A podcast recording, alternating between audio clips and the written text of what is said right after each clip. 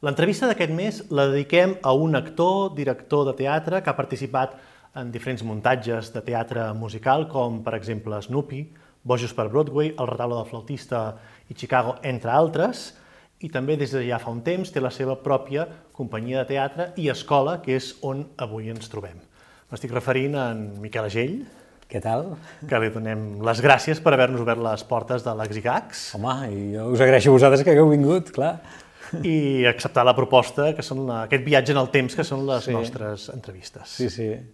Preparats. Doncs fem aquesta, aquest viatge en el temps. Molt bé. Com descobreix el Miquel Agell el teatre? Uh, tard. Més val tard que mai. Sí, sí, sí. Jo sempre penso que, que jo vaig entrar en el món del teatre molt, molt tard, perquè uh, a mi de petit m'agradava el teatre i m'agradava fins a tal punt que jo arrossegava la família a veure coses, no? I ja d'adolescent eh, els, havia dut, els havia fet anar al, al Romea, per exemple, a veure el Capri i la Mari Sant Pere, perquè feien un Don Juan Tenorio que jo havia sentit a dir en algun lloc, no sé si mirant un diari o, o escoltant la ràdio, no sé, que hi havia una cosa molt divertida, i, o els feien anar al lliure, que ja et dic, m'havien d'acompanyar perquè jo era una criatura, Que a l'època era lliure de gràcia. el lliure de gràcia, lliure de gràcia, i a veure coses com les tres germanes del Chekhov, que jo recordo que em va impressionar molt, no devia entendre massa, massa res de què passava, però jo tot, tot content, tot cofoidi d'haver anat a veure allò. I, i, I el món del teatre, quan m'ho vaig poder plantejar a nivell, a nivell de feina, a nivell, a nivell laboral, és quan vaig saber, amb 22 anys, que per fer teatre hi havia una escola que es deia Institut del Teatre, que tu et podies preparar allà i que, i que allà s'aprenia a fer d'actor. Per això que quan jo amb els anys m'he dedicat a, a donar classes a nanos de 5 anys i amb nanos de 5 anys i els hi expliques el que és l'ABC de l'actor, penso jo, amb tota la meva infantesa, això no, no ho vaig tenir, no ho vaig viure, no? Jo vaig entrar eh, doncs molt tard i amb, amb 22 anys, paradoxes de la vida, una tieta meva treballava a l'Institut del Teatre, eren les relacions públiques de l'Institut. I una altra tieta em diu, si tu t'agrada això del món del teatre, hauries de parlar amb la Mont, perquè la Mont treballa a l'Institut del Teatre. I jo, Institut del Teatre, saps? Què és això? Què és això, no? I, i van així, i parlo amb la Mont i diu, vine a veure un dia a l'institut i, i, i en parlem. I, I recordo anar un dia a l'institut a parlar-ne i ella, ella compartia despatx, ella era les relacions públiques, i compartia despatx amb la Carlota Soldavila, uh -huh. que la Carlota per mi era, era un personatge... Mítica actriu del teatre una lliure. mítica actriu del teatre lliure, una dama del teatre. I això ho tenia molt clar, perquè, clar, si un lloc jo havia anat sovint era, era el teatre lliure. I, i, i mira, aquest és un nebot meu que vol, vol fer d'actor, vol fer teatre, i la Carlota em mira i diu, ah, molt bé, molt, molt bé, molt bé, quan tinguis 18 anys, torna, que aquí t'explicarem com va. I jo havia fet la mili, ja, era, era, una, era una altra història, no? I, i així va, va començar, a partir d'aquí. O sigui, jo afició com a públic la tenia, la tenia, però jo no havia fet teatre en la vida, no, no, no sabia que es podia fer teatre, no... Per tant, fins a aquell moment no, no, no hi vaig entrar, no hi vaig entrar. Per tant, tenim ja el descobriment del teatre El descobriment... i el descobriment de la música. Això sí va ser abans, això sí va ser abans. Perquè jo vaig, jo vaig entrar a cantar amb corals, eh, no sé si tindria sis anys, devia tenir sis anys, entre els sis i els set anys vaig entrar a, a cantar amb corals. I això no ho vaig deixar fins als 20 i molts anys. Aleshores, clar, eh, jo vaig entrar de petit perquè eh, allà al barri, jo, jo vivia al barri gòtic, i al, al barri hi havia una coral que era el, la coral dels barrufets, és a dir, una coral clar, infantil, que, que s'assejava al, al centre excursionista de Catalunya. I, la meva mare em va portar cap allà amb les meves germanes perquè ens buscava activitats perquè, perquè estéssim allà, no? I això, I això ens anava bé. Aleshores, clar, les corals, eh, entres en contacte amb el món de la música, eh, allà no t'ensenyen tècnica vocal, no t'ensenyen a cantar, almenys que en aquella època no, uh -huh. no ens ho ensenyaven. Però sí que ens, eh, acabaves aprenent a interpretar una partitura, a llegir una partitura, lògica, afinar, empastar la veu, harmonitzar, una sèrie de coses que sí que ja em van acompanyar tota la vida. Després, amb els anys, allò que estudies solfeig, però amb això sempre vaig ser bastant desastre, sempre em va, em va interessar poc, perquè considerava que era una cosa com massa matemàtica i, i a mi això em costava, i, i ho vaig aparcar bastant. però en corals eh, se'm donava bé, els solos sempre els feia jo, després em feien viatjar i anàvem a llocs, clar. El món de la coral eh, em va agradar molt, em va agradar molt, i vaig entrar en contacte amb molta gent que, que en aquell moment, dintre del món de la, del, del cant coral, eh, també despuntaven, no? o eren els coneguts de l'època, i d'una manera o altra doncs, eh, hi col·laboràvem amb una cosa o amb una altra. I per tant tenim el cant coral, el teatre com a espectador i com Sí. aquesta primera trucada de porta a l'Institut del Teatre, però un Sí. dia dius, amb tu, eh, que això sigui la meva professió? Sí. Uh, Uh, com passa això? Uh, després d'aquella entrevista on em van explicar una mica què havia de fer, Que vaig saber que... quan tinguessis 18 anys? Quan tingués 18 anys. Clar, va ser al cap d'uns mesos, perquè clar, als 18 ja, i, i al cap d'uns anys hi vaig poder anar. Però vaig anar a fer les proves per, eh, per entrar a l'institut, um, unes proves que en aquella època es feien durant dues setmanes, que la primera setmana ja era eliminatòria, i en aquella primera setmana a mi em van fer fora immediatament. Clar, a mi em va xocar molt, i em sem... jo, jo pensava que estava preparadíssim per entrar a l'institut. Uh, no ho estava, amb els anys ho vaig entendre perfectament. Eh? Però el que són les coses, el no tenir cap, cap mena de contacte, cap mena de lligam, cap coneixença, uh -huh. eh, jo aleshores havia conegut tant la Coralina Colom com el Jorge Vera, que van ser els dos examinadors que jo vaig tenir allà. Eh, un cop em van fer fora, jo parlo amb, la meva tieta d'allà, dic, ostres, és que m'han fet fora, no en tenia ni idea que això ho pogués passar, no m'ho imaginava. I va dir, Uh, parlarem amb el Jorge que et digui a veure que, quins motius et dona i tal. I el Jorge va dir, home, uh, jo t'he vist amb uns vicis del teatre amateur de tota la vida, de, és unes coses que, clar, aquí, com que podem ser molt selectius, perquè ve moltíssima gent, doncs triem gent que potser ens hagi de donar menys feina d'entrada. I dir, quins vicis he de tenir jo si no he fet res en la vida, si no en tenia ni idea, jo només havia vist fer coses. Però, esclar, el que jo devia fer, devia fer caure bastant de cul, no? I llavors el Jorge sí tenia una escola de teatre que era, es deia Teatre del Tret, que la tenia junt amb el Manuel Carlos Lillo. Uh, I com no tenia cap altre lligam doncs, o contacte, doncs me'n vaig anar a la seva escola a estudiar teatre. I a partir d'aquí doncs, uh, doncs ja vaig continuar. El Jorge el vaig tenir un any i el Manuel el vaig tenir dos anys més. O sigui, ella va durar uns tres anys. Perquè l'oferta educativa teatral, tant Sí. eh, no professional, és a dir, en edats- infantils i adolescents com professional, des dels 80 fins ara, a Catalunya i a Barcelona, ha canviat radicalment. Home, radicalment, ja ho crec. Clar, en aquella època... Perquè, perquè hi ha exemple, Clar. en el, en el cas nostre de teatre musical, Sí. no hi havia una, una No escola de existia. teatre musical, No, no, pròpiament no, no dita. existia, no Per tant, existia. diguem-ne, eh, hauràs pogut veure... Ho, ho, ho mirarem després amb les classes, sí, no? no, dir, parlem d'una època que jo no sabia ni que faria teatre musical, eh? perquè això també va venir una mica com va venir. I en aquella època no en tenia ni idea, no sabia ni si faria teatre. Jo aquella, ara vo- volia estudiar teatre, havia d'estudiar alguna cosa, tenia 20 i pocs anys i em semblava que encara estava amb edat de formar-me, eh, i, i això em va semblar que era una, per una altra banda, jo ja treballava en el negoci familiar. Jo és que soc molt de... vinc d'una família de molta botiga, no? I clar, diguéssim, el que és les garrofes, jo ja les tenia assegurades perquè jo treballava, jo ja feia una jornada laboral, si no de 40 hores, sí de 20 i pico d'hores, no? I llavors em quedaven unes hores per, per dedicar el que volgués estudiar i a mi em venia de gust fer teatre. I en aquella època doncs, s'havia d'anar a buscar a escoles diferents, a professors diferents, allò que et feia falta o que creies Sí. que feia falta o que et deien que et feia falta. El primer que vaig fer, com que, uh, com que no vaig poder entrar a l'institut, jo a l'institut sí volia entrar era perquè jo sabia que allà tenia una, una formació uh, Global, un pla acadèmic, no? absolutament global. I, I el que fèiem amb l'estudi aquest de l'escola aquesta del, del Festino Barocco era eh, eren dues tardes a la setmana, eren tardes molt completes, però dues tardes a la setmana, i on feies treball d'escenes, treball de personatges, però et quedava molta cosa penjada. I aleshores l'Institut del Teatre feia una cosa molt interessant que ha deixat de fer, que era cursos només de veu, de veu i dicció. I aquí sí em vaig tornar a presentar, l'any següent em vaig tornar a presentar i aquí sí que em van admetre. Es feia una, una institució de l'Institut del Teatre, que era Sí. segurament la Coralina, no? Sí, sí, sí. Clar, la Coralina Colom, eh, la Miralles, la Miralles. Rosa Victoria Gras, era oh, gent molt, molt puntera, no?, aleshores. I per mi va ser un descobriment, un descobriment, o sigui, anar a un lloc on et diguin que, per exemple, el, el teu català no és bo, que us dius, oh, el català que no ha de ser bo, no? Però passaves per les classes de la, de la Rosa Victoria Gras i et feia unes repassades, no? I amb la Coralina, recordo que les primeres classes amb la Coralina Jo, jo al·lucinava, eh, m'havia d'amagar per no riure, perquè pensava que aquesta senyora està loca, no? Quines coses ens fa fer per trobar aquella connexió amb la teva veu i com ensenyar-te a treure la veu i com projectar-la. I ella que parlava sempre d'aquesta manera, estava aquí dalt, i era molt divertit. Però, és clar, amb el temps te n'adones que aquella senyora no és boja, que aquella senyora en sap moltíssim i que, i que a més a més li has de fer molt de cas.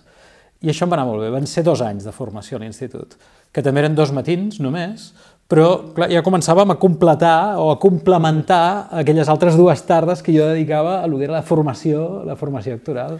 Previ a això, clar, hi havia una escola a Barcelona, hi ha una escola a Barcelona, que, que és l'Eulàlia Blasi, és una escola de dansa. Uh, jo tenia una amiga que treballava a l'Eulàlia Blasi, i treballava de recepcionista, ella era ballarina, però treballava allà de, de recepcionista. I un dia em diu, ofertem un curs que és per tu, Miquel, que es diu Teatre Musical.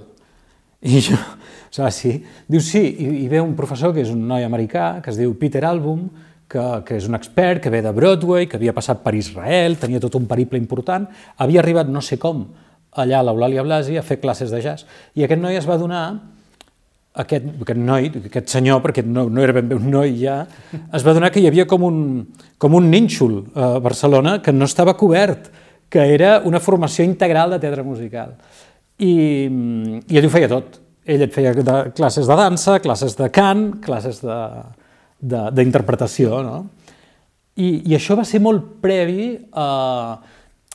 Clar, jo llavors ja estava a l'Institut del Teatre, ja estava amb el Festival Baró, com, com una cosa paral·lela i allà vaig començar a fer una mica de classes de dansa, però a mi això feia una vergonya tremenda. Vull dir, aquesta amiga em va haver de convèncer de que allò anava amb mi, perquè jo pensava que no, jo, jo, jo era més aviat maldestre, jo era molt maldestre. Era, era poc habilitós, era poc hàbil, era la qüestió de la coordinació de moviments, ho, ho duia bastant malament. I, esclar, tot això em feia molta vergonya. I, però vaja, hi vaig entrar i, esclar, ja vam començar a treballar amb gris. No? El primer s'havia de començar a treballar a partir d'un musical. I això em va ajudar molt. I allà vaig estar també entre dos i tres anys. Després el Peter em va portar amb un altre grup que ell tenia, el Clot, que necessitava un actor. Jo vaig entrar allà a Gris a fer el Dudi. Uh -huh. Jo, Gris, no havia ni vist la pel·lícula en aquella època. Eh? Però jo m'atrevia. Doncs, si, si, si pensen que ho puc fer, jo ho puc fer. Cantar cantar no tenia cap dubte que podia cantar, doncs va anar una mica per aquí. I, i va ser una mica gràcies a la, a la perícia d'aquesta amiga que, que va insistir molt. Miquel, que això va amb tu, que, que t'agradarà, que ja ho veuràs. I jo hi vaig acabar anant. I aquest, aquest va ser el meu primer contacte amb el teatre musical, de debò. Amb una funció d'aquestes que vam fer després, de, vam fer Gris i vam fer Chorus Line. I vam començar un tercer muntatge que ja no va acabar, que ja, no sé si es va, el grup es va, com, va anar disgregar, no, no sé què va passar amb aquell tercer. Però amb una funció d'aquestes va venir el rei Garraguant de públic, que ja, ja, ell ja feia una mica de, de, de caçatalents, no? I a partir d'aquí ja em va com encarrilar amb coses, no? I a partir d'aquí potser podem trobar com el primer espectacle, no?, que va ser de teatre musical al 91, sí. que va ser l'Snoopy. Sí, segur que va ser això, segur que va ser això. Clar, jo abans de fer Snoopy havia fet moltes col·laboracions amb TV3 i aquí també és curiós perquè TV3 i Televisió Espanyola. Allà a l'escola on era jo, que era el Festino Baró, que un bon dia es presenta el Daniel Martínez, no? el, tot el gran tòtem de, de Focus d'ara mm -hmm. mateix, que també venia a buscar personal per l'empresa que ell portava, que es deia Focus, que fins aquell moment era una empresa com de lloguer de material, de material escènic, de, de material escènic i que començaven a fer mm, representació d'actors. I ell enviava figuració a, les, a la tele i va venir a captar, a captar gent, no? I ens havíem d'apuntar, ah, doncs m'apunto aquí, no? I, i a veure què surt. I, I de seguida van començar a sortir coses. I la, les meves primeres experiències actorals, clar, en tinc un record inesborrable, perquè eren televisions en directe. O sigui, era treballar en un programa que es deia Filiprim, que era un programa... Un mític programa de TV3. Era, doncs jo havia fet un munt de Filiprims, que eren eren programes que es gravaven en directe, era d'humor, era, era entreteniment, era aquesta mena d'humor de, de, del, del Josep Maria Bax, que era aquesta cosa absurda que jo hi he connectat sempre molt, i, i havies de fer uns gags, i arribaves allà, t'aprenies el gag, l'assajaves dos hores, i sorties allà i ho feies, ho feies en directe, i ho feies en directe, cosa que ara l'expliques, o, o jo mateix, me la plantejo i dic, Déu no meu, quin vertigen, quin vertigen.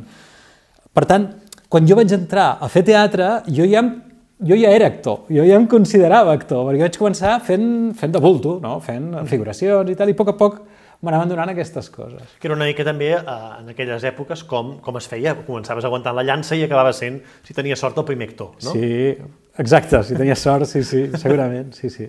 I per tant va arribar aquest El moment de Snoopy, sí. Com, com el recordes? Perquè, diguem és un uh, clàssic de Broadway, fa uns Sí. quants anys ja, perquè estem parlant del 91, Sí. però, però és un espectacle que, clar, mirant el repartiment, uh, de memòria, tot i que ara, però vull- em deixaré gent, però Jordi Fusalva, Sí. uh, Roser Batalla, Sí, sí, sí. Uh, Victòria Pagès, Sí, sí, sí. Uh, El Ferran Castells, Ferran el- Castells, el Martí Galindo, el Martí Galindo. la Maria Elias, sí, sí. No, home, jo recordo. Aquí va començar una cosa curiosa que després s'ha repetit molt amb la meva carrera, que jo vaig entrar a fer una substitució. Jo no vaig entrar a fer el... Jo no, en el primer repartiment, si es va fer càsting i així, jo no, jo no en vaig saber res, jo, perquè quedava com una, una miqueta aliè a tot això, no? Però jo vaig entrar en un moment en què s'havia de buscar... Eh, vam entrar nou, tres substituts de cop, no? I jo vaig ser un... Eh, era un muntatge que jo ni l'havia vist, però, clar, el vam preparar amb una il·lusió bàrbara. Jo sí que era un gran lector del, del, Les tires de les tires de Snoopy. Snoopy. I tenia ja uns quants llibres, en tenia uns quants, que eren uns llibres de coloraines, de l'editorial 62, crec que eren, i jo era molt fan del Charlie Brown. Fins que allà eh, em va tocar fer el Linus, i jo, a partir d'aleshores, sóc linusaire. Jo... Clar, perquè llavors el Charlie Brown és una, és, és una, és una cosa increïble, és, és tota una filosofia que, a més a més, i, i, personatges psicològicament molt ben definits i que, i que es, es dibuixaven. L'adaptació musical eh, estava molt ben feta, perquè partia molt de... O sigui, agafava tota l'essència de les tires còmiques i estaven traslladades a l'escenari. I jo crec que el, el Rewan, que és qui va fer la, la posta en escena, va fer un treball, un treball magnífic, un treball magnífic. I, i vaig tenir la sort d'agafar doncs, això, una minigira i tota la campanya escolar que es va fer a Barcelona, que va ser eh, molt intensa, va ser bastant llarga i que ens va donar, clar, a mi em va donar moltes tables, moltes tables. Mm.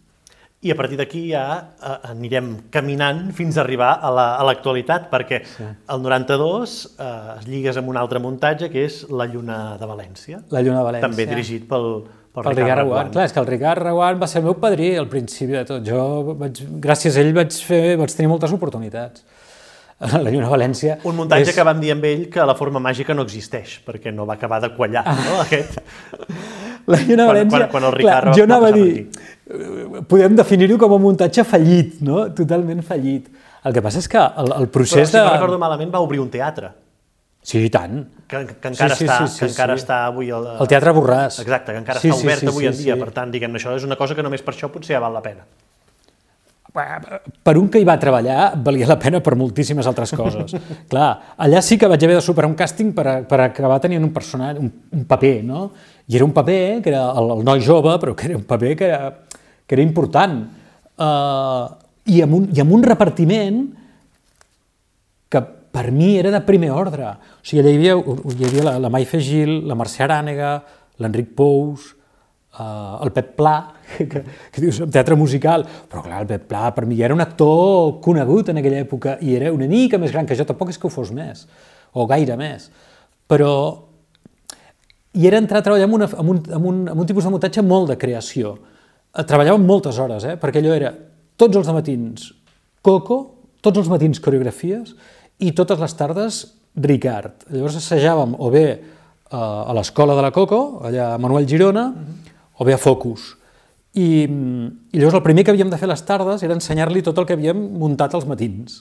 I llavors el, el Ricard deia, això sí, això no, això sí, això no. Després el guió també ana- anava donant voltes d'un dia per l'altre, ara es retallava per aquí, ara s'enganxava per allà.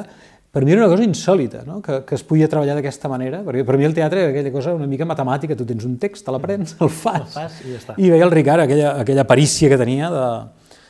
I, I després, clar, el resultat va ser el que va ser, que era una cosa, una, una, obra una mica mal entesa, perquè més que teatre musical, um, bevia molt de la revista. Aleshores, potser inaugurar un teatre allò, potser no era ben bé, potser allò hagués hagut d'anar al paral·lel, tot i que la revista en aquella època ja tampoc no, no es fes, no, Sí, sí, no, el paral·lel. Però, mm, clar, per mi va ser una, una oportunitat excel·lent, absolutament excel·lent, de la qual en guardo doncs, molt bons records. Hi havia, clar, és que el repartiment era, era molt gran. Hi havia sis ballarins, set actors, cinc o sis músics, era molta gent allà. I es va fer molt, un molt bon ambient, es va fer. Mm. I després d'aquest de, espectacle de revista de teatre musical, sí, era més, sí, jo crec que sí. Vas fer altres espectacles també, que això és una constant també a la, a la carrera, de, de text. A sí. vegades encara tenim potser aquesta, aquests calaixons massa definits i jo només faig musicals, jo només faig text i potser al segle XXI seria hora de, de trencar calaixons i que clar. els intèrprets siguin intèrprets totals. Sí, en aquella època clar, no era així, perquè tu et podia venir una oportunitat... Clar, el teatre musical era una miqueta una raresa encara. Uh mhm. -huh. Vull dir que ja ja, ja n'hi havia, perquè, és clar de llavors ja existia el Reguant. Ja existia quan vam fer la Lluna València, ja, ell ja havia fet Memory, ell ja havia fet la nostra cançó, sí, sí. Vull dir, i s'havien fet ja moltes coses. Però, però era, era una mica anecdòtic, eh, el teatre musical. Era una cosa que apareixia de tant en sí, tant a la cartellera. Per tant, eh, els actors estàvem oberts al que, al que sorgís, no? i si et sortia teatre musical i et veies en cor de fer-lo, doncs, doncs el feies. Clar, anava així. Però abans que anàvem al tema de la formació, clar, a partir de la Lluna de València, jo, jo em vaig quedar a, a la Coco a fer-hi classes, perquè em va semblar eh, molt necessari aprofundir en aquella, en aquella disciplina que per mi encara era molt justeta, molt justeta. I, i sobretot quan veus que te n'adones del que és el dia a dia d'un sí. intèrpret que ha de cantar, sí. ballar i parlar. Sí, no? sí. Clar, jo estava allà, clar, hi havia els actors, hi havia els ballarins, i amb els actors, però és que jo tots els assajos amb els ballarins hi anava, a tots, a tots. És clar, la Coco, a mi m'hi tenia perquè pensava, aquest noi que n'aprengui, no? ja em va bé que estigui aquí, però després no em podia aprofitar. Llavors muntava coses pels actors en les quals m'hi incluïa a mi. Però jo això que et deia dels matins, els matins, qui, qui havia, la, qui havia d'anar sí o sí eren tots els eh, ballarins, els, els actors només de tant en tant perquè ens havia de muntar un tema per nosaltres. Però en canvi jo hi volia anar cada dia, perquè cada dia pensava que m'era bo fer-ho, no? I hi ha una cosa que va passar a Catalunya, que jo sempre dic que és com un miracle, quan ho expliques a la gent jove diuen uh, en sèrio, això uh, va existir, que és una sèrie musical a TV3 dirigida pel Ricard Reguant. Clar, sí. Que és el Yara Queixia. Yara Queixènia, sí. Que vas participar en alguns uh, episodis, no? Sí. Sí, uh, home, la Xènia es va fer amb aquestes tal, tal com es feien moltes coses, eh? amb molt bona voluntat, perquè sempre, a nivell de mitjans, sempre molt justets, no?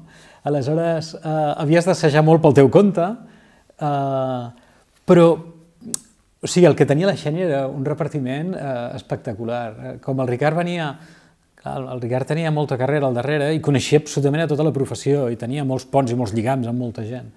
Aleshores, el, els veterans, diguéssim, eren d'aquests actors que, que només que t'omplien la pantalla només posar-s'hi. I això era els joves que estàvem allà, bueno, jo, jo, jo, jo ja vorejava els 30, eh? Perquè, clar, jo, jo com vaig, m'hi vaig posar tard, eh, doncs el, els joves era, era un camp d'aprenentatge sempre.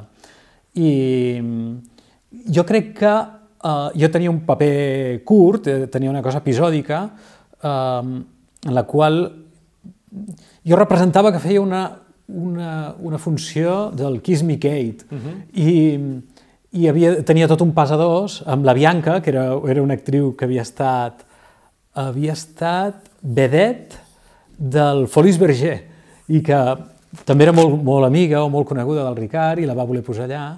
Uh, llavors anàvem a assajar a la Coco perquè bàsicament tot el meu era coreogràfic eh, havíem de fer una cançó també que es va gravar a part. Això em va costar una mica, això d'haver de gravar una cosa aquí, després cantes o balles fent el playback... Era... Les mentides de la tele. Les mentides de la tele, això és, recordo que em, va, que em va costar una mica. Però pel de més, eh, meravellós, eh, no sé, una experiència xula, xula. I el resultat, um, s'aguanta prou, s'aguanta prou, que és una cosa que és curiosa de dir. Estem no? parlant del 92-93. Sí, sí, sí, sí. sí, sí. No recordava l'any, eh? Jo sé que jo devia borrejar els 30, perquè però t'ho deia una mica per l'època. cap d'any a TV3. Uh, va, ah, sí, però veus, jo aquí ja no hi vaig anar, al cap d'any de TV3 no. Però sé que jo hi vaig anar un parell de dies, uh, un parell de dies. Jo feia un parell d'episodis i després es va gravar un, un final de... de... El, de tothom a l'estació de França. Exacte, tota una rua que ell va voler que sortís tota la companyia i, i que era com un regal també però ell ho va concebre una miqueta com un, una mena d'homenatge a la professió. I, I és molt maco, això és, és molt xulo. Doncs sí, això era el 92 o 93, potser ja tocaria que TV3 eh, faci la segona sèrie musical. No? Ostres, uh, sí, sí, sí, sí, ha canviat tant tot que... però i tant si estaria bé. El cinema avançant en el temps, el 1994, arriba Colors Vells. Là hi torna a haver la figura del Reguant al darrere. De moment estem aquí amb, sí. amb el Ricard Reguant, no? Sí, sí, sí. Ah, Colors Vells, Colors Vells és una cosa curiosa perquè partia de... Uh, en el repartiment hi havia d'haver tot el repartiment que l'Àngels havia tingut uh, a Memory, que ella els hi volia fer com un regal de, de fer una obra per ells, perquè clar, si al darrere hi havia el Reguant, la, la direcció va ser de l'Àngels, l'Àngels va dirigir Colors Vells, i, i era Godspell, i Godspell era dels primers muntatges que jo havia vist d'adolescent, perquè va venir un, una companyia al col·le on jo estudiava, estudiava al Sant Ignasi de Sarrià, i allà tenien un teatre, bueno, tenen un teatre brutal, preciós, tipus modernista i tal. I va anar una companyia d'algun lloc de Barcelona, que no, no, no n'he sabut mai més res, que feien gospel. I eren gent jove, o de la nostra edat, una mica més grans que nosaltres, que van muntar el gospel original amb una banda de músics a l'escenari, jo deu ser d'aquelles primeres coses que jo vaig veure que vaig pensar uau, això m'agradaria fer-ho, no? I llavors, clar, de cop t'ofereixen fer la versió, la versió del Ricard, que era una, era una versió, que es deia Colors Vells, però era, era Godspell, era Godspell. Ell havia canviat els diàlegs, però les cançons eren aquelles, no? que eren aquelles que et col·locaven, i eren unes cançons precioses. I va ser una feina... Jo crec que no he suat mai tant fent una representació com allà. Vaig agrair molt tot el temps de formació amb la Coco, perquè eren tot cançons, eh, estava sempre ballant a l'escenari, havies de ballar moltíssim, i, i cantar, sempre eh, ballant, cantant, i va ser una...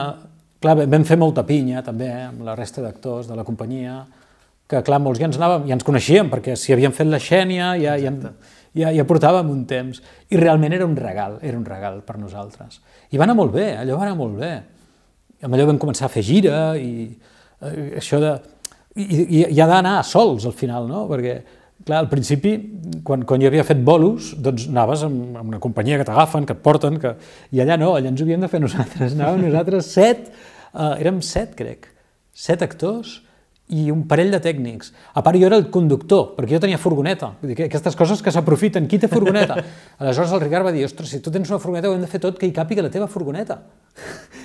I així sortíem, no? Però, però va anar molt bé, molt bé. Vaig allò començar a fer matiners i aquestes coses. Home, qui no l'hagi vist, és que és molt canyero, està molt mm. bé, Godspell.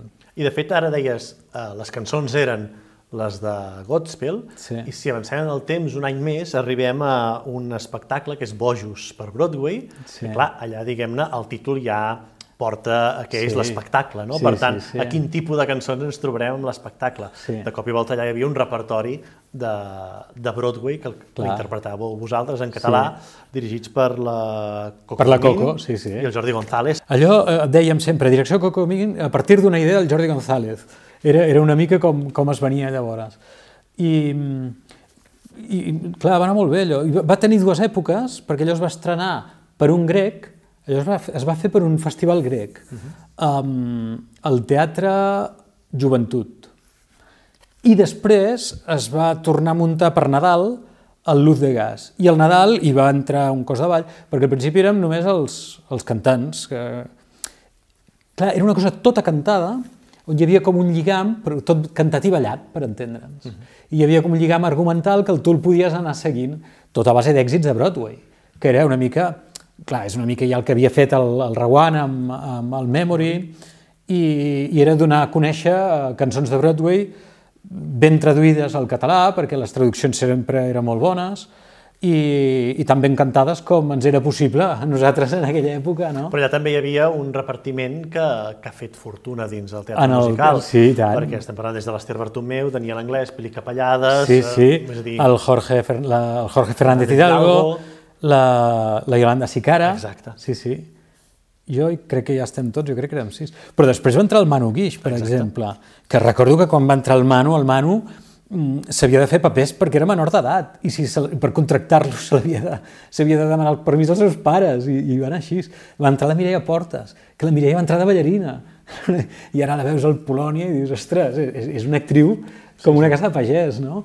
Però clar, ballava molt bé, molt bé ballava. bueno, d'aquestes coses que, que sí, que sí, que estudiades amb el sí. temps, eh, quina, bueno, amb aquesta perspectiva... Li dona un altre valor. Sí, sí, li dona un altre valor. I mm. això que deies que de, abans del Godspell, que tot s'havia de fer a mida perquè hi capigués a la furgoneta, sí. eh, el 1997 eh, hi ha la sala eh, o sigui, el Teatre Gegant de Catalunya, que és la creació ah. no, del, del Teatre Nacional del Teatre de Catalunya, Nacional, sí. per tant allà no s'havia de fer mida les coses perquè sí, no, per no. cabre amb una furgoneta. Allà tot era allà tot a l'engròs, allà tot era l'engròs. Sí. En aquelles primeres èpoques on el director era el sí. Josep Maria Flotats sí. eh, i vas fer eh, l'auca del senyor Esteve. L'auca del senyor Esteve. Jo vaig entrar a fer l'auca del senyor Esteve precisament perquè tenia un passat de teatre musical, perquè jo vaig entrar com a fer el, a fer el cor. Vam entrar una colla de gent a, eh, a fer figuració, però una figuració que en determinat moment havien de cantar, havien de ballar, eh, més lligat amb el que era la dansa tradicional, perquè, és clar, imagina't l'auca del senyor Esteve, no, no es feia una adaptació en teatre musical, era, era una adaptació molt canònica, no? Uh mhm. -huh. Però, dirigida per l'Adolfo Marcillac. Dirigida per l'Adolfo Marcillac, que sí, també són que paraules són, també majors. són paraules majors. Sí, sí, home, allò per mi va ser... Eh... Recordo que com aquella època encara tenia bolos segurament del, del Colors Vells, el Reguant eh, que ja, ja començava, no sé si havia obert l'escola o estava a punt d'obrir el, el Memory, em presentava, em presentava a futurs alumnes seus o alumnes seus i dient aquest va començar amb mi, ara ja està al Teatre Nacional. I jo al Teatre Nacional. I jo podria estar allà aguantant la llança, no?, al Teatre Nacional.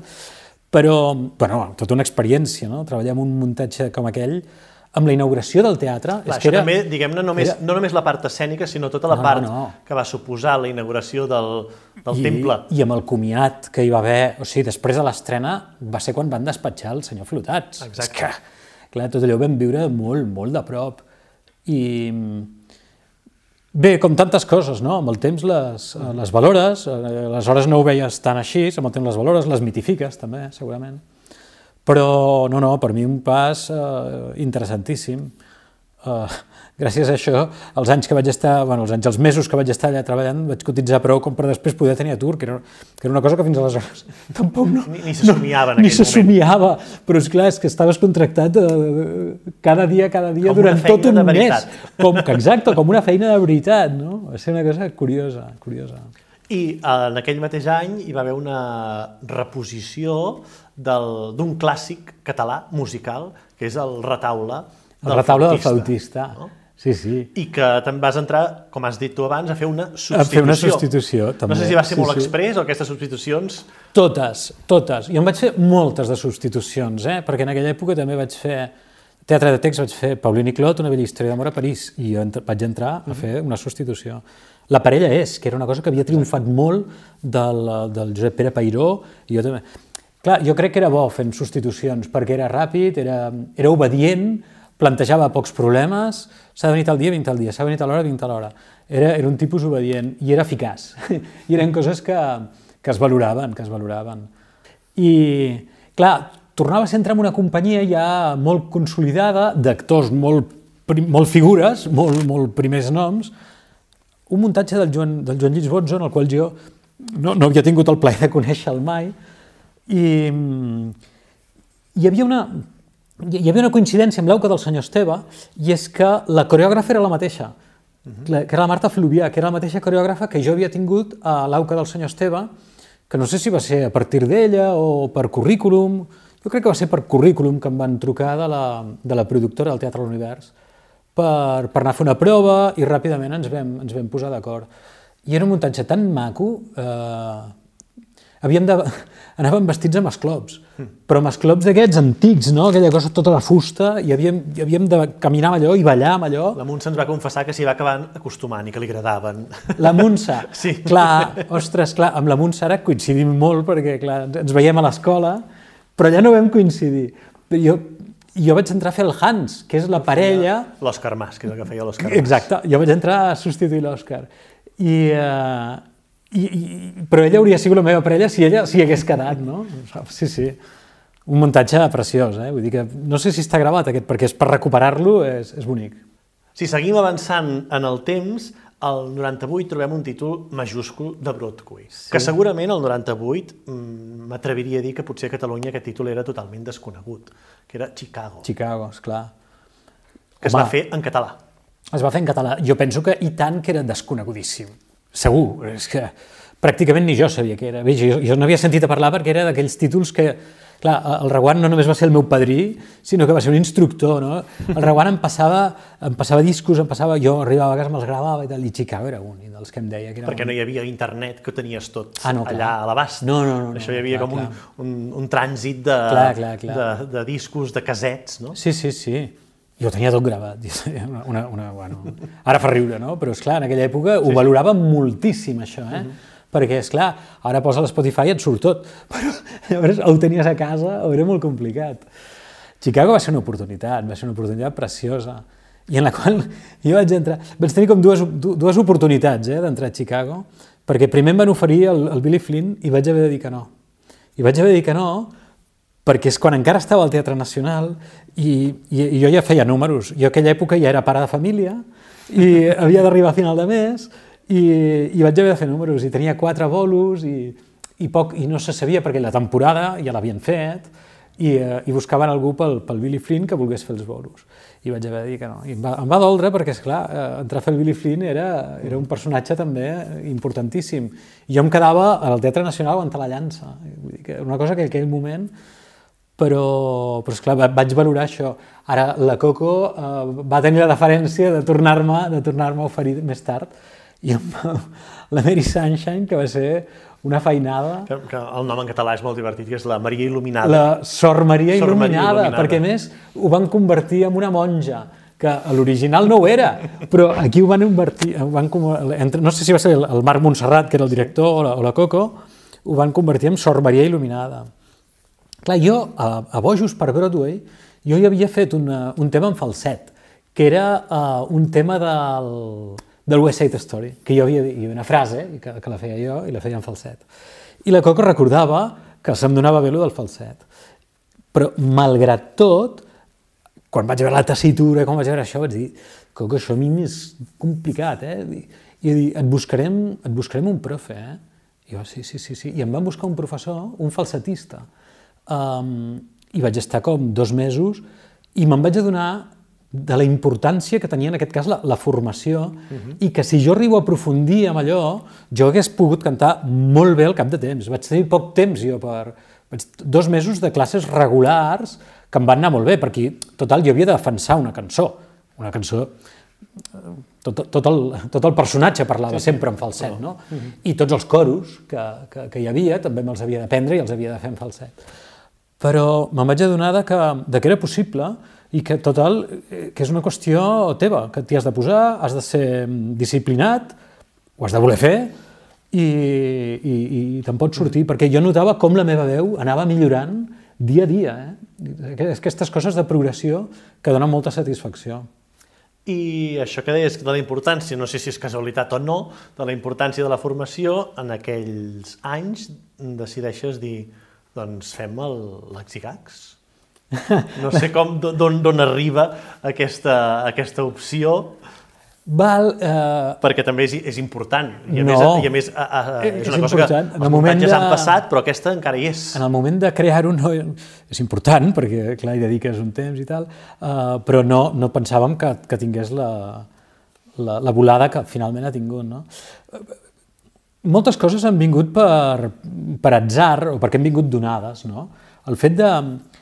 O sigui, jo en aquell moment, eh, jo ja, ja estava aparellat, la meva, la meva companya, la, la Lídia Linuesa, eh, ja teníem una criatura, ja portàvem un, any, un, un temps junts, i, i, vam, i no teníem feina. Quan ens vam casar? Potser ho estic explicant desordenat.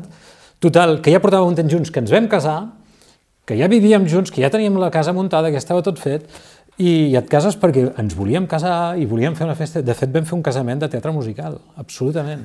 Vam fer una cerimònia amb un amic que ens va fer de cerimonier, eh, vam buscar cançons, vam fer peces i vam convidar tots els amics. Vam muntar un número. Total, que tots els amics, com ja teníem la casa i ho teníem tot muntat, doncs ens van anar omplint el compte. I amb aquells diners vam dir, doncs muntem una cosa de teatre, perquè podíem fer o una reforma a la cuina de casa que li feia molta falta, o ens podíem buscar feina. I en aquell moment ens va semblar important o ens va semblar interessant eh, buscar-nos feina, perquè primer que nosaltres volíem ser actors i, i no podíem estar sempre pendents del telèfon i després que si ens buscàvem eh, feina doncs era una inversió. Si ara monto una obra de teatre i aquesta obra troba després un recorregut, doncs és una inversió.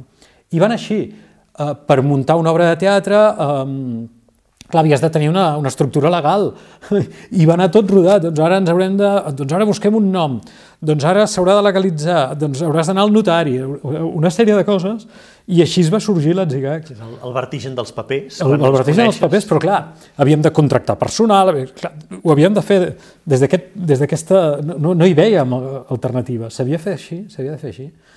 I, i després d'això ja van venir les classes, i les classes també van venir una miqueta la, la meva companya, la, la Lídia Linoesa, ella ja donava classes, perquè ella, ella sí que s'havia llicenciat a l'Institut del Teatre, però prèviament ella havia estudiat eh, magisteri. Ella era, de fet, ella va deixar la feina de, de mestre d'escola per entrar a, a l'institut. Ella l'havien admès, ella, ella va fer. I, per tant, eh, ella feia classes de teatre i tenia ja diversos llocs. Llavors la trucaven de llocs i cada vegada més el tema de les de les classes de teatre amb canalla també es necessitava una sèrie, una, una estructura legal. Deien, per tu podràs facturar? Llavors dèiem, home, sí, puc facturar i tal. I, i una miqueta va venir, va venir així, no? I, I fins ara, que esclar, en aquell moment no ens ho podíem ni imaginar. Simplement anàvem fent el dia a dia i la, la companyia érem ella i jo, i no hi havia ningú més. I ens ho fèiem tot. Portàvem la comptabilitat, fèiem les classes, eh, corregíem els textos, bueno, fèiem sí, tot. Sí, sí els inicis, no? Acostum, els inicis de... I amb la sort de, de tantes companyies. I, i la perseverància, no? Sí. Eh, va, va creixent i ha sí, acabat sí, creixent. Sí. I, I a part de l'escola també hi ha moltes produccions sí. de, de teatre musical, de teatre musical familiar, n'hi podríem dir, no? Sí. Um, encara s'han de trencar moltes llances a favor del, ja no del teatre musical, que també, sinó del, del teatre familiar, perquè a vegades sembla com que està considerat com el teatre musical ja per si sol una categoria més baixa que, el, que la resta de gèneres, no? Mm. a vegades també eh, s'ha donat aquesta sensació amb la manera que, que han de treballar moltes companyies del teatre eh, familiar. S'han no? de trencar moltes llances, sí. I a home, més a més, en el cas de les IGACs, mm. clar, per exemple, moltes de les obres són adaptacions originals a partir de novel·les, amb dramatúrgia original, amb composició original, és a dir, que això no, no, no hi ha moltes obres eh, de, de, dedicades al públic adult que, que puguin dir, per exemple, això, no? i no es qüestionen tampoc. No? Per tant, sí. diguem-ne, en aquest cas eh, hi han valors aquí a defensar. No? Mira, eh, el teatre, clar, ara en diem obertament teatre familiar, abans en dèiem teatre infantil, jo crec que es va canviar una miqueta la, la, la, la, la nomenclatura, es va canviar una mica per, per tal d'intentar-ho dignificar, Tu deies, s'han de trencar moltes llances. Sí, sí, malauradament sí encara, perquè, clar, nosaltres eh, entenem el teatre com a teatre i ens és igual si el fem. De fet, si et mires les produccions de les GIGACs, més de la meitat són per adults, més de la meitat. El que passa és que pel que hem sigut coneguts, inclús reconeguts, és per les produccions familiars. Um, i, I entenem que el teatre és teatre, i si el fas per adults o el fas per nens, l'únic que jo em plantejo que, que ha de canviar és, és el nivell de comprensió. Vull dir que... I el nivell de comprensió sense abaratir mai l'idioma, perquè això és una cosa que ens, ens obsessiona molt tant a la Lídia com a mi. El nivell de l'idioma ha de ser sempre el més alt possible. Uh -huh. uh, no perquè sigui per nens has d'abaratir l'idioma, o no perquè sigui per adults, has de menys tenir que la gent pugui entendre perfectament el que els estàs explicant. Uh, aleshores, però sí que has de facilitar que, que un nen de 5 anys t'entengui a la primera una proposta, no? Uh mhm. -huh. Això ho has de facilitar. Però pel de més, el teatre és teatre, aleshores eh, no ho sabem fer d'altra manera. Eh, el mateix rigor, el mateix interès, el poses en una cosa com una altra. Després els catxets no són mai els mateixos, tampoc són el, els mateixos els preus de les entrades, cosa que, que també la veus més raonable si entens que, que, clar, que normalment al teatre familiar hi van famílies, no? i el teatre d'adults, com a molt hi vas en parella, a vegades sí, hi van més, més, grups més alts, mm. però s'ha de, de conscienciar no tant a nivell de públic, sinó com a nivell de programadors, a nivell de distribuïdors, que, encara pensen que una obra de teatre infantil eh, necessita 3 hores de muntatge.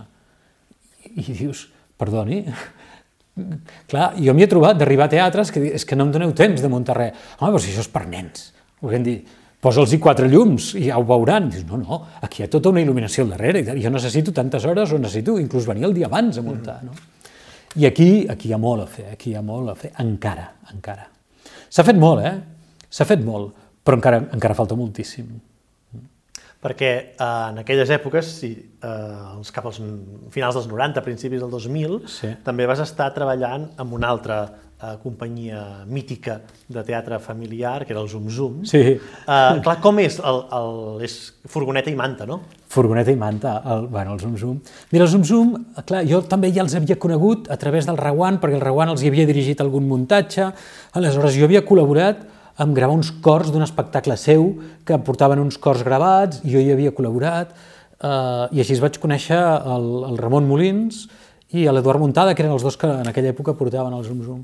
I en un moment que eh, necessitaven una, una substitució per un dels seus muntatges més emblemàtics, que aleshores era el Japerut de Notre Dame, eh, doncs em van demanar, clar, per mi va ser un, un honor, no? Però allò sí que era eh, tots a la furgoneta i tots amunt i avall i, i llavors arribaves a casa, cadascú s'emportava la seva roba a casa, el següent bolo la portava neta, era, era un món molt diferent al que, al que, al, al que jo havia viscut fins aleshores.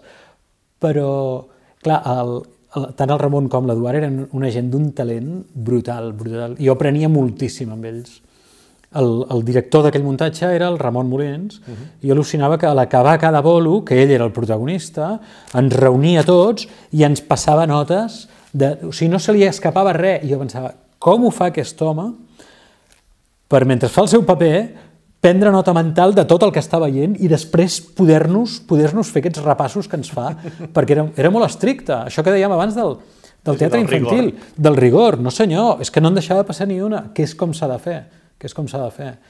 I era una mili. El, el, el Ramon deia, qualsevol estudiant de teatre, quan hagi acabat la seva formació, ell llavors parlava del, de l'institut, hauria d'estar un any fent eina d'escola, que eina d'escola mhm. era uh, fer, bol, fer, fer tres bolos al dia, però no només fer tres bolos al dia, sinó muntar, desmuntar, carregar, col·locar els focus i tal, perquè és la manera que sàpigues què és uh, el món de l'espectacle no, no pot ser un actor que no, et poses allà al davant i fas el teu, no, no. Has de tenir una concepció global. I tenia molta raó, tenia molta raó. Mm. Un dels espectacles que vau fer amb l'Axigax era un, un altre musical eh, clàssic català del Benet i Jornet, potser també poc Bé, conegut. Poc conegut en aquella època. A, a, i ara, en aquella època i potser ara per, ara, pels joves... segurament encara menys, clar encara menys conegut. Exacte. Uh, va, va ser amb el que ens vam estrenar com a companyia. O sigui, quan vam dir volem fer una cosa, volem fer una obra de teatre, vam voler fer supertot. Uh, I pots dir, home, era una obra ja una mica coral, perquè érem sis actors, ho vam voler convertir en un musical, ja ho era, però no sabíem com sonava, perquè nosaltres només teníem el llibret, saps? I, i això era un musical mític dels U de Cook, que nosaltres no havíem vist mai, Sabíem que havien editat un LP que no vam trobar mai, o sigui, no sabíem ni com sonaven les cançons, però teníem les lletres de les cançons. I, i vam fer una cosa que, que, que, clar, amb els anys, eh, veus, això no s'hagués hagut de fer mai, però, però és el que vam fer en aquell moment, que era agafar músiques de musicals que sí que coneixíem, encarregar els playbacks, que ens els, que ens els fes algú, i sobre aquelles músiques posar-hi la lletra per ajustar-nos al que el Benet i Jornet volia dir en aquelles... I allà vam posar cançons de Sondheim, de la botiga dels horrors, allà vam fer el que ens va donar la gana i, clar, no, ningú no ens ho va criticar mai. Ara, ara seria bastant impensable, també, però érem molt agosarats en aquella època. I en aquests espectacles de la companyia, si anem avançant, trobem espectacles mítics que, més, han durat eh, força en el temps, la qual cosa segurament també és una, una senyal. No? Un d'ells és la, Pipi Landstrom. Clar, la Pipi és el que ens, va, el que ens ha donat a conèixer um, a nivell de professió i a nivell de públic en molts, en molts moments. Eh? La, la Pipi va ser d'aquelles coses que no saps l'èxit que tens entre mans. No en teníem ni idea. Això va venir d'una col·laboració que... Bueno, portàvem ja dos, dos muntatges que ens els dirigia la Teresa Davant, que era una, una directora que tenia una trajectòria vital eh, molt, molt, eh, molt rocambolesca, havia viscut a Sud-àfrica, a Soweto, havia viscut a, eh, a Suècia, ell havia estat 10 anys a Suècia, i a Suècia havia treballat amb l'Astrid Lindgren, que era l'autora de, de la Pipi. I amb nosaltres vam fer teatre d'adults. Ella va venir i ens va dirigir dos muntatges, dels quals em guardo un record eh, inesborrable, però que eren de teatre d'adults. I, i diu, vosaltres que, que doneu ja tantes classes, que teniu... Per què no fem alguna cosa de, de l'Astrid Lindgren? I ella tenia al cap fer, no sé si Rònia, filla de la, dels bandolers, alguna obra que no era la Pipi. I un dia li dic, escolta, tot això està molt bé, però l'Astrid Lindgren no és la que, no, no és la que havia fet la, la Pipi Landstrom. Diu, ah, sí, dic, home, Teresa, doncs, i per què no muntem Pipi Landstrom? Perquè potser serà més... Potser la gent ho, reconeixerà una mica més, no? I ella va dir, oh, sí, clar, ah, doncs no, home, jo, a més jo Pipi ja ho havia fet, total. Ah, doncs hi ha un text, sí, sí, sí, hi ha un text, perquè la pròpia Astrid Lindgren va fer la dramatúrgia i, i existeix, no? Ah, doncs tu te'n pots ocupar i a, i a partir d'aquí ella va, va sol·licitar els drets i aleshores ens arriba una carta que ens diu voleu els drets de la música també o només els, els drets del text? I nosaltres, com els drets de la música? No fotis que hi ha música. Sí, hi ha un musical. Clar. I diu, sí, sí, i diem, ah, estaria bé saber com és la música abans de d'embrancar-te a pagar uns drets, no? I, I ens van enviar, ens van enviar un casset, un casset amb tota l'obra gravada en suec, tota l'obra, perquè anessis escoltant les músiques cada cop que hi havia una cançó. Increïble. I llavors ho vam escoltar i vam dir, bé, sona bé, no? Sona bé, això. Era una música molt vuitantera, no, no, però ens agrada, ens agrada. Tal. I en aquella època la direcció musical ens l'havia de fer el Xavi Torres. I li vam passar això. Ja quan vam demanar els drets, ens van enviar les partitures. Les partitures per la banda musical. I el Xavi es mira les partitures i diu, aquestes són per set músics, són unes partitures que és que no els hi falta res, són per entrar a l'estudi de gravació, això es pot fer de seguida. Sí, sí, sí, a més està molt bé, està molt bé i vam dir, doncs va, ens llancem i, i van així. Finalment la direcció musical no la va poder fer el Xavi, la, fe, la va fer Lluís Cabal, que ens el va enviar el Xavi, que era un noi que venia del món de la sarsuela, però que era, era director i en sabia molt. I, però, però va ser totes aquelles coses. I després que fos un èxit és perquè vam donant el clau amb una cosa que la, la nostra generació havíem sigut nens que s'havia fet la sèrie per la tele. Per tant, eh, tots els, pa o sigui, els nens no sabien que anaven a veure, però els pares ah, sí. sí. O sigui, vam donant el clau i no en teníem ni idea que faria allò. Doncs vam estar, això sí que va ser una pena, només quatre setmanes i el primer dia ja es van penjar el cartell d'exaurides les localitats. Dic, va ser una pena perquè, clar, el Reginer estava tot tancat, no? Però, clar, hem estat més de 10 anys eh, arrossegant això. Vam viatjar per tot Espanya, vam fer temporades en més d'un lloc. No sé, va ser una cosa increïble, lo, lo de la Pipi, i, i no s'ha acabat, eh? La Pipi la tornarem encara, a recuperar. Encara correrà per aquí. Sí, sí, sí, sí, no tinc cap dubte. Un altre clàssic, potser, també seria un altre espectacle del Zigacs, que és el uh, Sherlock Holmes i el Club dels Pèls Rojos, sí. no? Clar, després de l'èxit de la Pipi havíem de, de fer alguna altra cosa eh, per públic també infantil i vaig pensar, bueno, doncs estirem d'aquesta corda, no? I el Sherlock va ser un espectacle, jo, pel meu gust, espectacular. El, el, el Xavi, des del primer moment, el Xavi Torres, li va entusiasmar la idea, ens vam posar d'acord molt, molt ràpid sobre quin tipus de música volíem i va fer una música meravellosa, meravellosa. I el, eh, jo crec que va funcionar molt bé aquell espectacle.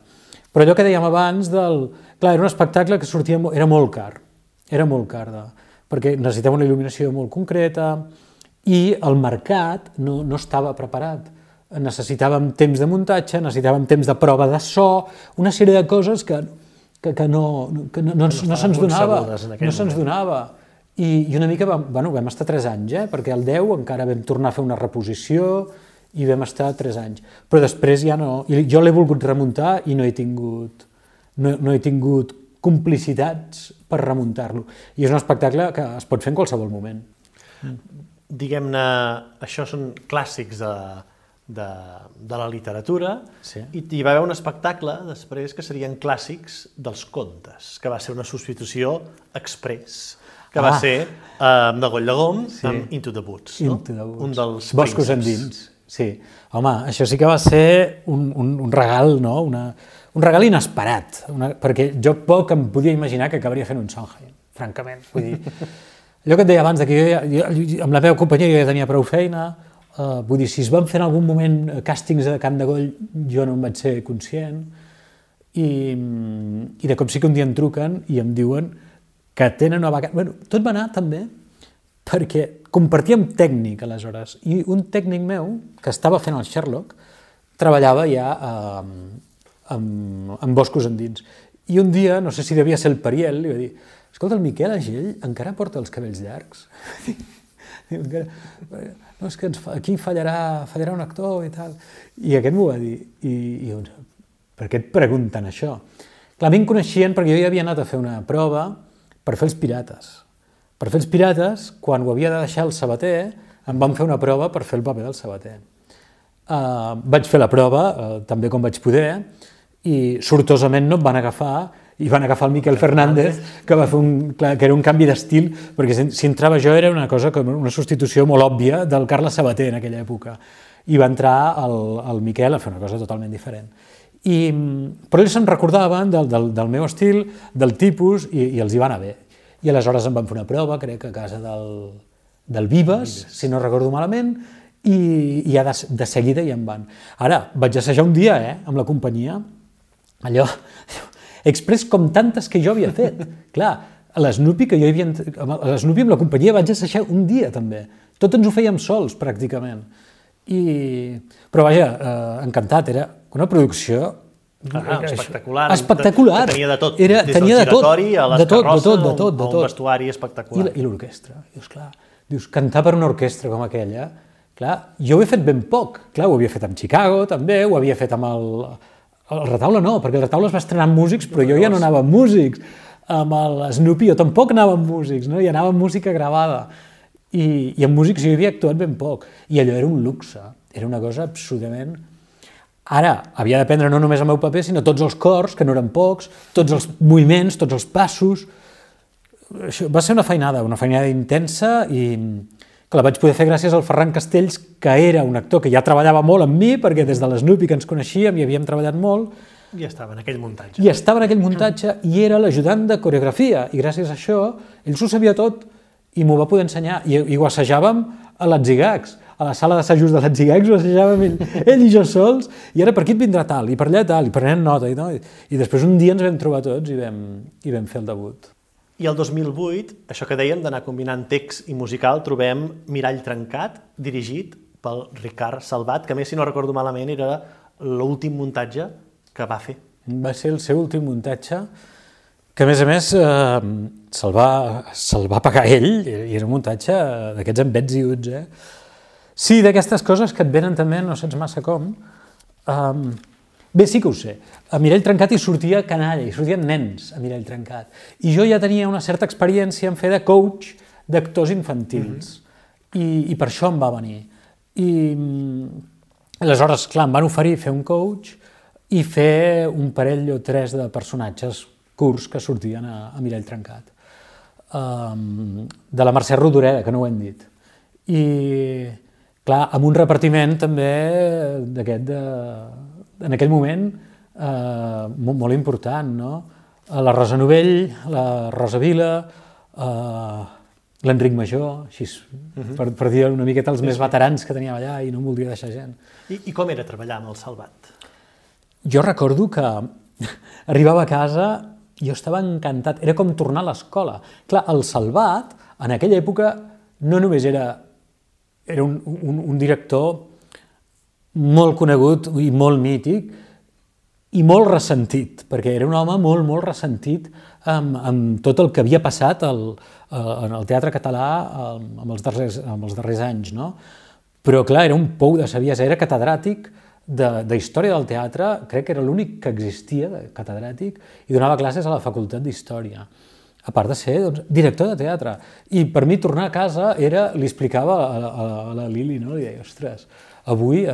era, era com anar a classe. Era com anar a classe. Era fantàstic. Jo em vaig quedar molt, molt satisfet, inclús del resultat. El resultat va ser molt...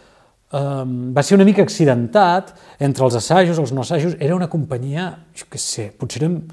És que potser eren 30, ara no et sé dir, era... A ell li agradava treballar amb primeres figures, no? L'escenografia era del John Berrondo, els moviments eren de la, de la Marta Carrasco. Ell, ell volia tot, tot era tot a lo, a lo gran. I, I va fer un, un muntatge que, que va ser una barreja de, de poesia, de literatura, clar, estava tot allà posat i va ser el seu últim gran muntatge. Jo crec que a ell li hauria agradat molt que allò li compre... bueno, no ho crec, no ho sé, que allò li compressin al Teatre Nacional o al Teatre Lliure, com teatre institucional de debò, uh -huh. perquè s'ho va acabar produint ell i va fer un muntatge molt, molt merescut al Teatre Borràs, també. Uh, I el meu pas per allà, doncs, uh, doncs mira, una experiència xula, molt xula. I ja has dit aquí que uh, estaves fent ja de coach, aquesta paraula que ara tothom ja entén i que està de... Sí, de... sempre vam dir així, eh? perquè no, no sabíem... Entrenador de nens, era una, no sabíem com dir-ne massa. Els nens, o sigui, aquí el, el concepte de nen actor que es pot tenir amb el, amb, el, amb el teatre o amb el cinema britànic, aquí no, no existeix. Aleshores, tens nens que són bons actors o que tenen gràcia i tal, i, i els has de tenir Eh, per ells els has d'entendre que allò és com un joc, però que el joc ha de tenir un rigor, s'ha de saber fer bé... I té unes normes, no? I, té, i clar, i té unes normes. I, i no tot es pot deixar uh, a l'atzar o a veure com surt avui, sinó que ho has d'anar conduint, no?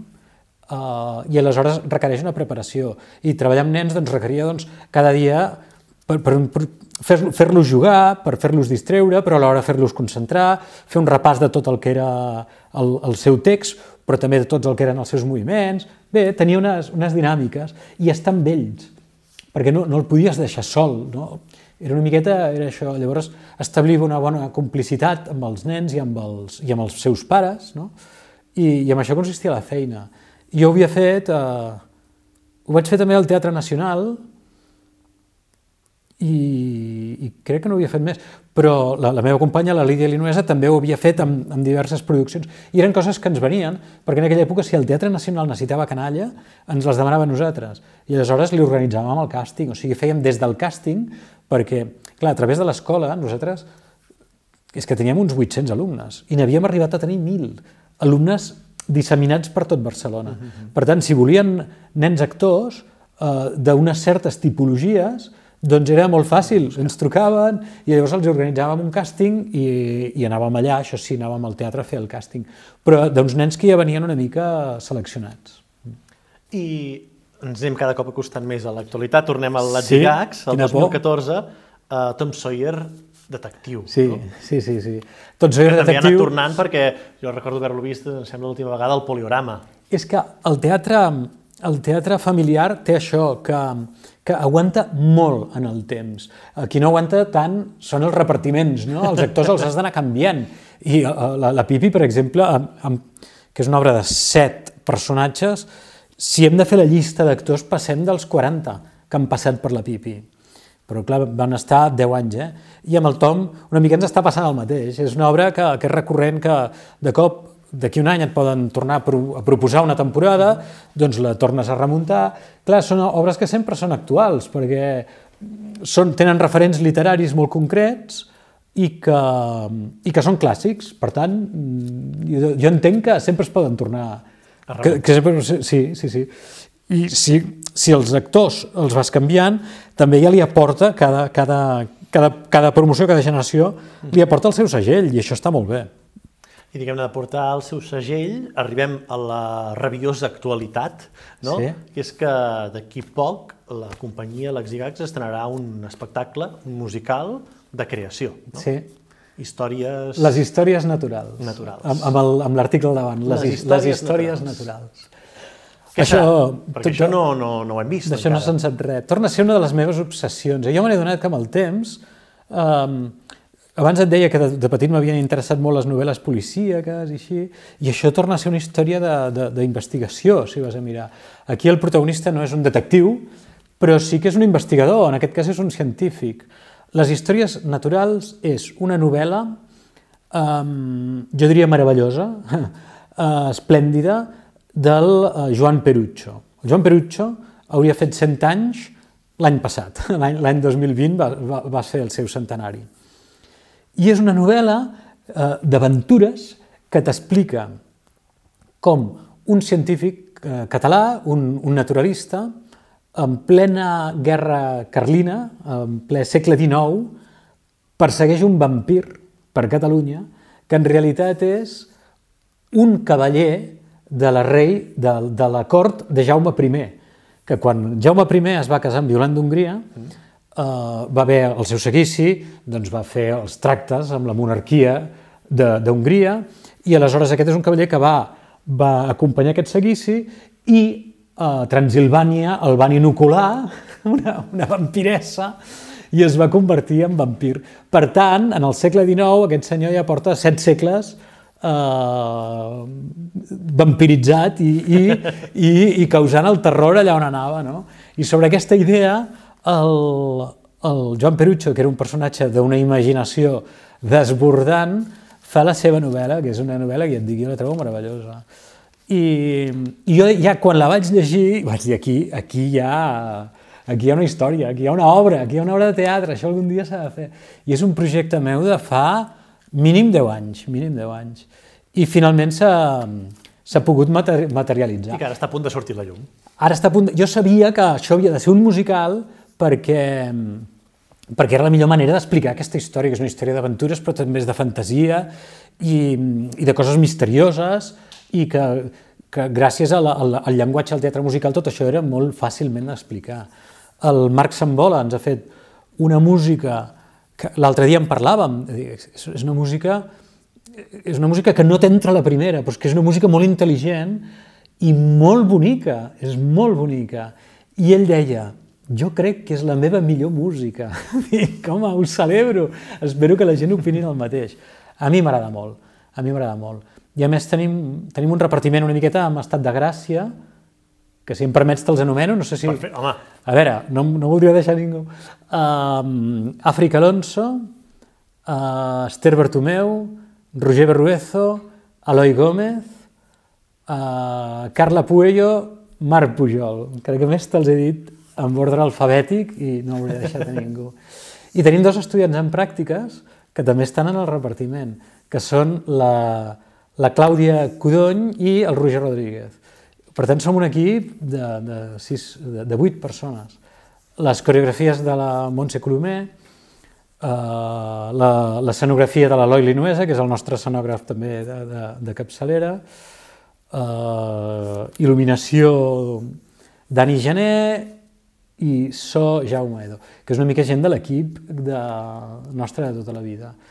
I, i res, amb molta curiositat i moltes expectatives també, perquè és una obra, això sí que feia anys que no ens passava, que estrenem una obra que no té la seva sortida garantida en lloc. O sigui, estrenarem a, a Castelldefels, en un teatre que, que, que ens, ens han deixat fer la residència i l'estrena, ens han programat a la mostra d'Igualada, i jo sempre explico que no és una obra de teatre infantil, no ho és pas, és una obra de teatre per adults, però, igual que un Mikado de Coll de Gom, uh -huh. és per tots els públics, a partir d'una edat, allò que et deia abans, eh? a partir d'una edat.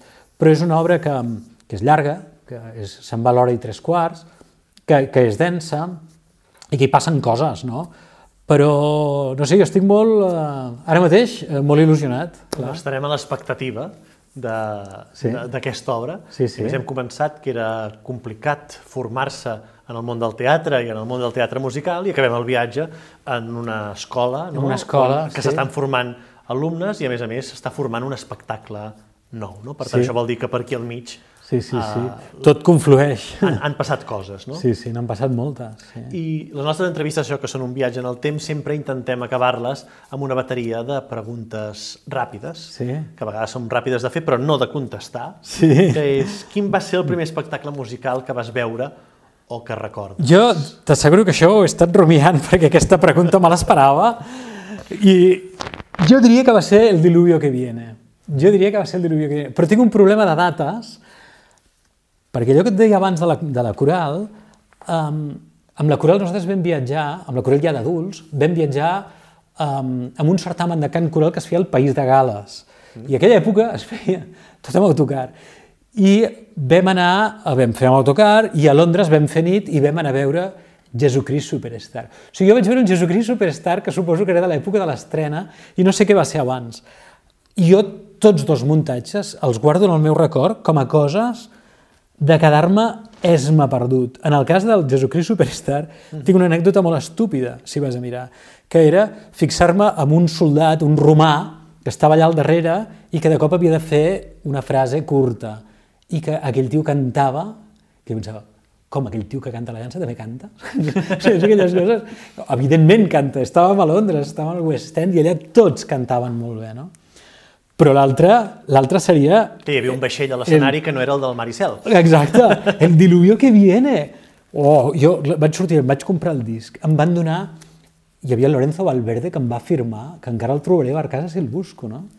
I allí hi havia la Maria Elias, que després vaig coincidir amb ella fent Snoopy. Vull dir que, imagina't, no?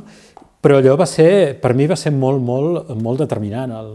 bueno, d'aquelles coses que, que, que t'entren i que tu encara no ho saps, però sí que et marquen una direcció.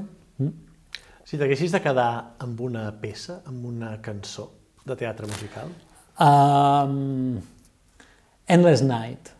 Endless Night del Rei Lleó. Uh -huh. um, jo, és una peça que sempre m'ha agradat molt, sempre m'ha emocionat molt, i per mi és com, un, és com una pregària, no? I, i la, la, la sento molt, uh, molt a prop, m'agrada molt. Un autor? Això és molt difícil perquè... Ostres, jo, jo no he sigut mai de gaires, de gaires fílies, eh? m'agrada molta gent. Clar, t'hauria de dir que Sondheim, no? t'hauria de dir que Sondheim, i més quan, quan he tingut el goig de treballar amb Sondheim. Però, però no, perquè Sondheim m'agrada molt, però com a autor jo diria també Shakespeare, i, i sap, em sap greu d'anar-me'n a, a, a un, no un clàssic, sinó a un tòpic gairebé, no? Però... Està, potser si ho és per alguna cosa, també. Clar, vegades, és no? que jo penso, ostres, tot el que llegeixo de Shakespeare m'agrada. Tot el que veig, potser no, eh, perquè de Shakespeare, però els muntatges que se'n puguin fer, però quants musicals han begut, no?, sí, sí. de Shakespeare. I si vas a mirar, el teatre barroc era teatre musical, també, uh -huh. perquè també hi havia cançons, també hi havia danses, sí, sí, sí. vull dir que era, era un, un tipus de teatre i, i per dir algú que, no, que, no, que, que faci content tothom, doncs hi havia Shakespeare. Shakespeare. Sí, sí. Un record que t'hagi donat al teatre o al teatre musical que no es pugui borrar? No, mira, no sé si és un record o és una anècdota. Va, és, serà més tipus anècdota. Abans ja t'he dit que vaig fer um, el Teatre Apolo uh, Diez Negritos. Sí. Diez Negritos, per mi, és de les obres més accidentades que, que, amb les quals jo he treballat. I quan dic accidentades, vull dir accidentades, saps? D'aquelles coses de atacs de riure a l'escenari, que un dia és d'un, un altre dia és d'un altre, que no saps com passen les coses. Però el súmum va ser una vegada que, en plena funció, a Barcelona s'estava fent un, una d'aquestes trobades del, de l'M7, del, de l'M7, ara em sona gens bon, no sé de quin tipus de, de, quin, de tipus d'organització eh, internacional que per, mesura, per, per motius de seguretat es tallava la diagonal. Val. Doncs amb la diagonal tallada, nosaltres actuant al paral·lel i grups antisistema que venien a boicotejar això. Total, que al paral·lel es va muntar una mani i van anar els antiavalots a acabar amb la mani. I en plena funció, de cop, s'obren les portes de l'Apolo, però totes les portes, i tota una corredissa de gent que t'entra a refugiar-se de la policia. Clar, nosaltres, en, en aquell moment, a l'escenari, el Ferran Castells, que, que és un actor amb el qual hem treballat moltíssim i també estava allà, acabava de, acabava de ser assassinat amb una destral clavada a l'esquena. I ell havia caigut, havia caigut a terra amb la destral clavada a l'esquena. I llavors, clar, ell feia de mort. Però clar, ell va començar a sentir un xivar, ell estava allà, que no acabava de saber què passava. Els altres que sí que estaven drets i anaven mirant i què hem de fer, què passa aquí, no? Fins que ell es va aixecar, es va aixecar amb la destral clavada a l'esquena, va causar un riure eh, terrible entre tot el públic, vam aclarir què passava, va sortir la regidora a posar ordre, a, a fer les paus, va convidar a tota aquella gent que havien entrat a seure, per sort el, el teatre aquest és enorme. I no hi havia restriccions Covid. No, no hi havia restriccions Covid. I hi havia lloc per tots, perquè teníem, hi havia gent eh, en el teatre, però clar, com per omplir-lo no. Per tant, els va convidar tots a seure i va dir, si no us per res, tornarem una miqueta enrere per poder, per, per poder tornar a avançar. I, I això va ser una anècdota espectacular, espectacular d'una cosa del directe, clar, del teatre en viu, no? Sí, sí. I l'última, què és allò que per tu només té el teatre musical? Eh, ho diu una lletra d'una cançó, és, és l'espectacle total. No? Això es, viu, es diu molt de l'òpera, també. Mm. Però jo crec que el teatre musical té una cosa que t'arriba molt més ràpid en, el, en, en, quan, en quan pots posar els diàlegs amb la teva llengua. No? Uh, ho pots dir tot, o sigui, si una cosa estem fent amb les històries naturals ara mateix és que eh, ho intentem explicar tot a través de tots els elements possibles eh, i el que volem és lògicament distreure, perquè el que volem és entretenir. Vull dir, històries naturals és un muntatge que el que persegueix és que el públic surti content i surti entretingut i en certa manera tocat, però només en certa manera. I tot això ho aconseguim gràcies a que té una música molt bona, a que té uns diàlegs que t'han d'entrar i a que té uns moviments coreogràfics que també et faciliten això. El conjunt i la resta de coses que hi ha d'haver, perquè també t'ajudarà la il·luminació, també un bon so, no ens enganyem, uh -huh. tot el, tot, tots aquests ingredients que tenen a veure amb el teatre musical eh, configuren una miqueta l'art total i, i, et, i et provoquen aquesta màgia que, que jo vaig descobrir doncs, amb aquell, no sé si amb aquell Godspell o amb aquell Jesucrist Superstar de petitó. I, I això és el teatre musical. Doncs aquí ho deixem dit. Molt bé. I moltes gràcies per atrevir-se a fer aquesta aventura que són les nostres Moltes gràcies a vosaltres. Per haver-nos obert les portes. Mm -hmm. Doncs moltes gràcies. I amb vosaltres ens veiem d'aquí un mes a la propera entrevista.